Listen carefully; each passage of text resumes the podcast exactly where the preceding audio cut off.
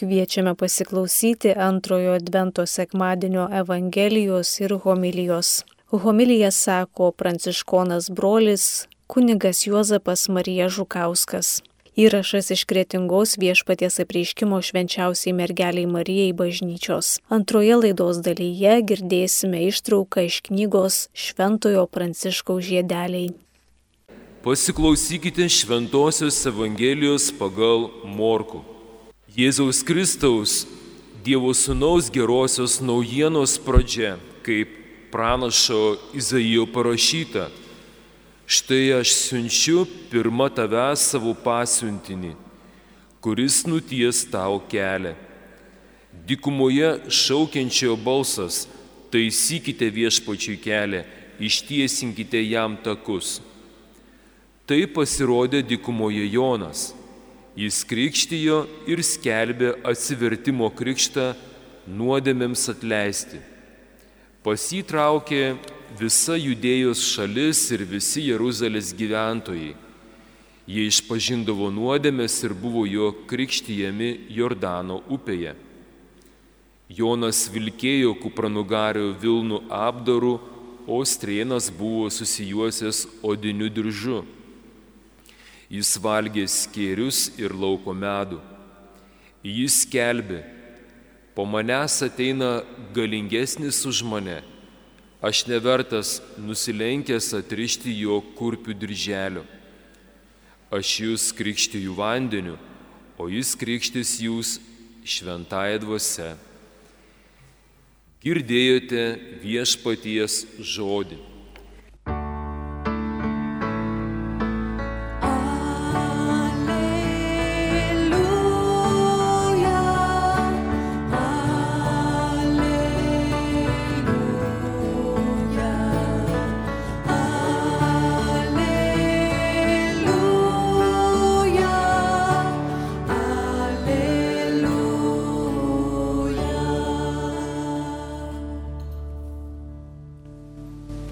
Taigi švenčiame dar vieną sekmadienį ir šiandien mus Dievo žodis kviečia paruošti kelią viešpačiui.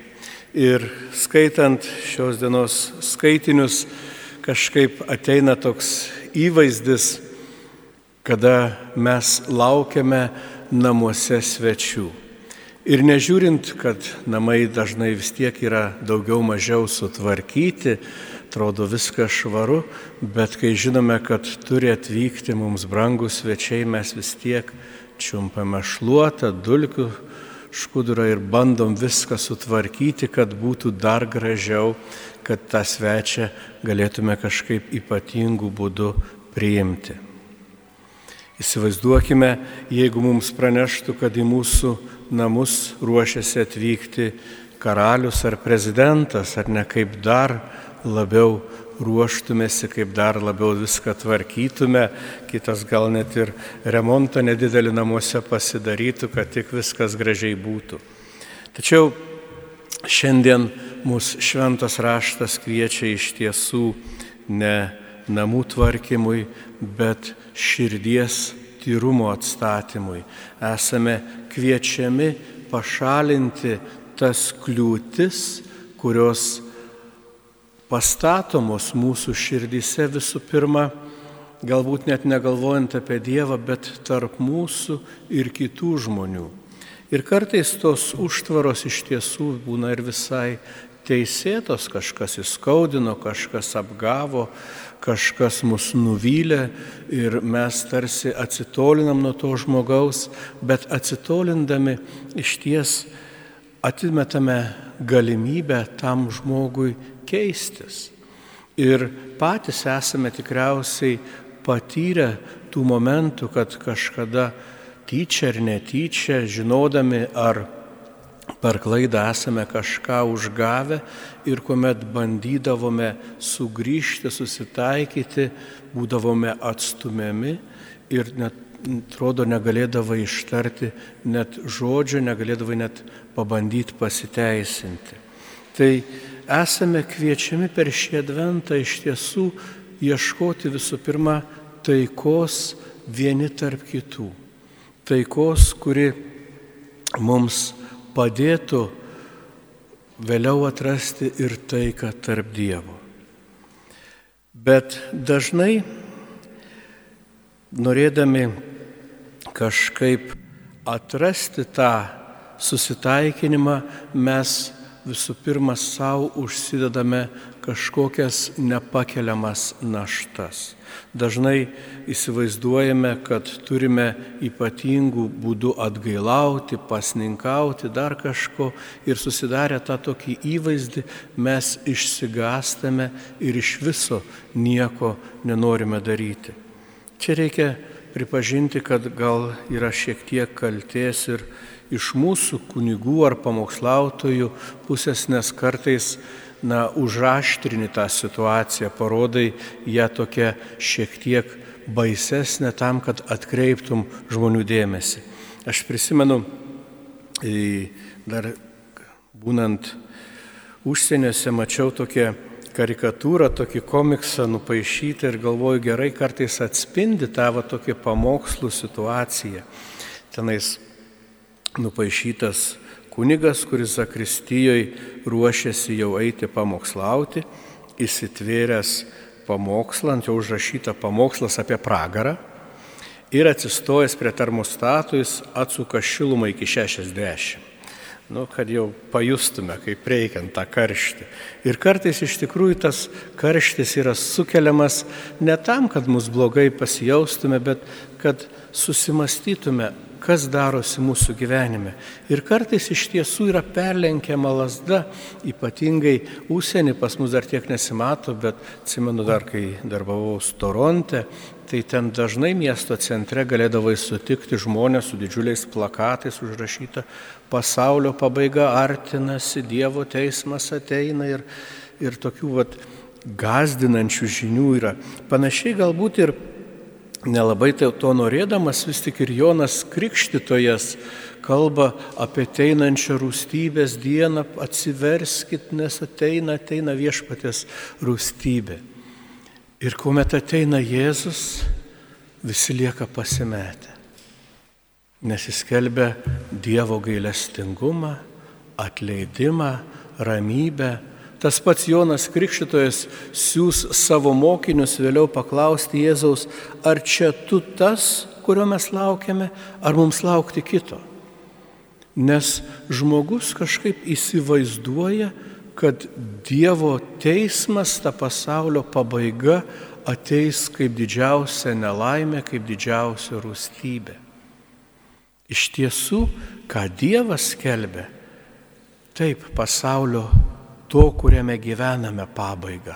Pasaulio, kuriame viešpatauja karai, melas, neapykanta, brolžudystė, pasaulio, kuriame nei vienas negalime jausti saugus, pasaulio, kuris atrodo priešiškas visam, kam, ką tu nori daryti. Tokio pasaulio pabaigą skelbia Dievas ir skelbia naujo pasaulio pradžią kuriame viešpataus meilė, sutarimas, kuriame bus taika ir ramybė. Ir štai Jėzus ateina būtent atneždamas tokį pasaulį. Ir tokį pasaulį mes jūs kviečiame. Ir tegul šis advento metas iš tiesų bus mums proga ne kažkaip vienas prieš kitą paburnoti ar pasakyti, kad tu ne taip ar taip gyveni, bet pasakyti viešpats tavęs myli. Viešpats yra tavęs pasilgęs, jis nori tave apdovanoti malonės ir ramybės dovanomis. Broli sesė, ateik ir viešpats atnaujins tavo gyvenimą, pripildys tavo širdį džiaugsmo ir ramybės. Jonas Krikštytojas buvo iš tiesų nors ir visa savo esme Senojo testamento žmogus ir atspindėjo visą tą, visą tą situaciją iš tiesų, kur žmogus buvo papuolęs dėl savo nuodėmės, dėl netikėjimo, tą visą niūrumą, jis vis tik tapo ir tuo, kuris bedė pirštų Jėzų ir sakė, štai jis, tas Dievo vinėlis, tas, kurio nuo amžių laukiame. Ir ta Jono ištarta pranašystė, ta ženklas skamba aidu iki mūsų dienų. Kiekvienose mišiose kunigas pakartoja tuos pačius Jono Krikščitojo žodžius, kuomet po konsekracijos iškelia ostiją, mūsų viešpatės Jėzaus Kristaus kūną ir sako, štai Dievo vinėlis, kuris naikina pasaulio nuodėmės. Ir čia jau tenka mums priimti tą žinę su tikėjimu, atpažįstant tame užslėptame duonos gabalėlėje mūsų viešpatį Jėzų Kristų, ar tiesiog net nesusimastant, kokia didžiulė dovana, kokia didžiulė malonė tiesiog sudalyvauti ir išeiti neperkeistomis širdimis. Tad kviečiame, kviečiame jūs per šį adventą truputį staptelti atlikti ne tik tais tą įprastinę kasdienę ar kas mėnesinę išpažinti, bet iš tiesų pagalvoti, kur aš einu, kur veda mano gyvenimo kelias. Gal iš ties yra kalnų, kuriais atsitvėriau nuo Dievo ir nuo kitų žmonių. Galbūt esu atvėręs prarajas tarp savęs ir savo artimųjų. Galbūt tuos kalnus, puikybės, didybės reikėtų nukasti ir su nusižeminimu užpilti tas prarajas, kad nutieščiau kelią iš širdies į širdį, iš savo gyvenimo į aplinkinių gyvenimus ir tuo pačiu nutieščiau kelią tarp savo ir Dievo širdies.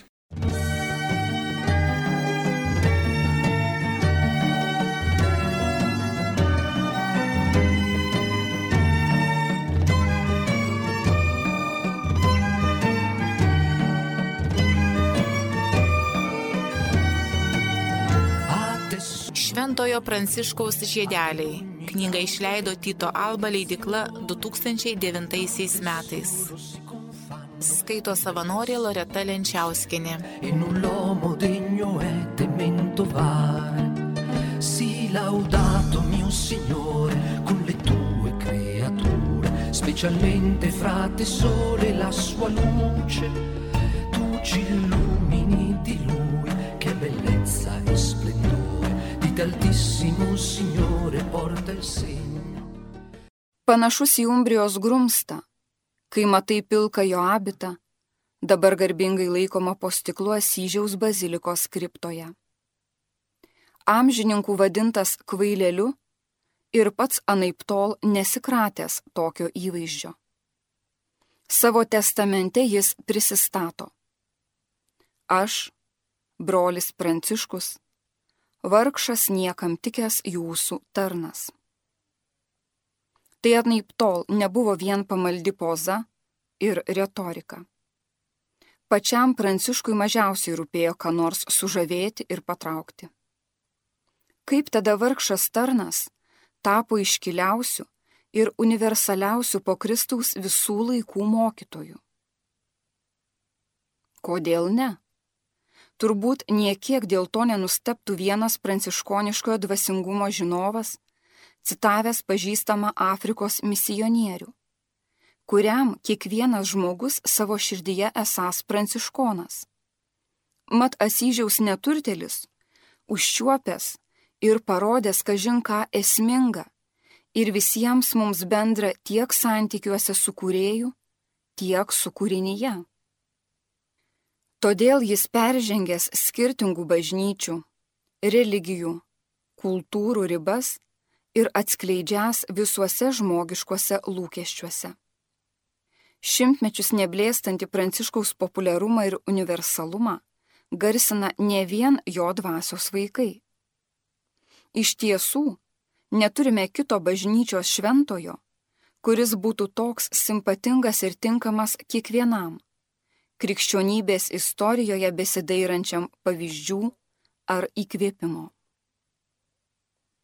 Ar Pranciškaus stiprybė yra tai, kad jis, rodos, leidžiasi vedamas bet kur ir bet kieno? Gal tai jo idealų patvarumo ir visuotinumo ženklas?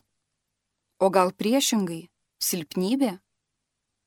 Gal matome vis pingant ir banalėjantį šventojo atvaizdą, savo reikmėms pritaikytą jam visiškai svetimų ideologijų ir gyvensenų? Gal ir pati bažnyčia, dėl galimybės dar kuo nors patikti pasauliui, aukoja autentišką pranciškaus žinę ir nepaneigia jį apnarpliojusių senų ir naujų mitų? Kas yra ta tikroji? Prietarų ir liekštumo nevaržoma syžiaus šventojo žinia, jeigu jie egzistuoja. Pagundų teisingiausiai suprasti ir perteikti pranciškaus gyvenimą ir jo idealus būta jau labai seniai. Pats pranciškonų ordinas kelis sikius skilo ir dalyjosi į savarankiškas atšakas kaip tik dėl to, kad vienolyjos viduje atsirasdavo troškimas sugrįžti prie tikrojo pranciškaus ir pranciškonizmo. Paskui vėl nauja reforma įstra. XIX amžiaus pabaigoje Vatikanas turėjo imtis ryštingų veiksmų ir bent dalį ordino atšakų sujungti po vieną vėliavą. Kuriam iš tų judėjimų pavyko tobuliau atspindėti savąjį serafiškai į tėvą? Atsakymo nebus. Visos pranciškoniškųjų abitų spalvos ir atspalviai šiandien tarsi sakytų, kad pranciškaus paveikslas per daug platus nevaržomas vienos interpretacijos, vienos tradicijos ir gyvenimo būdo. To platumo jo sielai suteikė ne tik gimtieji Umbrijos lėniai. Mano gyvenimas - tai viešpaties Evangelija. Jis pats šiuo požiūriu tik į tai buvo susitelkęs. Kaip anksčiau paštalas Paulius, nenorėjęs žinoti nieko, tik Kristų ir tą nukryžiuotą. Legendinis pranciškaus neturtas, griežčiausia askezė ir atgailos dvasia, jo gaivališkas džiaugsmas ir laisvė, jo beribė meilė, broliškai apglėbinti visą kūrinyje, turėjo vienintelį šaltinį ir kryptį. Iš čia ateina jam suteikta malonė visiems tapti viskuo. Tas pats galioja ir vadinamai pranciškoniškai revoliucijai, kuria esas žavėjęsis Leninas ir Heguvera. Jeigu Pranciškus ir jo suburtas mažesniųjų brolių sąjudis ir buvo nauja gaivis rovė katalikybėje, jeigu jiems ir pavyko apgydyti bažnyčio žaizdas, tai ne dėl kokių nors veiksmingų antikrizinių programų, kurių jie paprasčiausiai neturėjo, o dėl nuoseklaus Evangelijos vykdymo. Visos jų permainos buvo kaip šalutinis ištikimybės Evangelijai rezultatas. Galėtum sakyti, tarsi netyčia. Bet iš tikrųjų tyčia. Nes Pranciškui nebuvo kilusi nemenkiausia bejonė, kad ji vienintelė pajėgi perkeisti pasaulį ir gražinti žmonių giminiai Dievo vaikų būseną. Jau XIV amžiuje, kai buvo užrašinėjami žiedeliai, Pranciškaus įtaiga kėlė nuostabą. Brolio motiejaus lūpomis nuskamba iki šiol neišnykstantis klausimas. Kodėl visas pasaulis bėga paskui tave ir kiekvienas trokšta pamatyti tave, išgirsti tavo žodį, paklusti tau. Tu nesi nei gražus, nei didžiai mokslingas, nei aukštos kilmės vyras. Kodėl visas pasaulis seka paskui tave? Pranciškus, kaip žinome, atsakys, jog yra bjauriausias, niekingiausias nusidėjėlis ir Dievo buvo pasirinktas todėl, kad savo menkumu sugėdintų išminčius, kilminguosius ir galinguosius. Laudato mio Signore, per sorella nostra acqua, è casta molto utile e preziosa.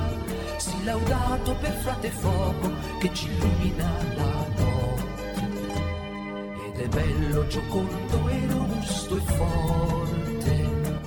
Girdėjote ištrauką iš knygos Šventojo Pranciškaus žiedeliai. Skaitė savanorė Loreta Lenčiauskinė.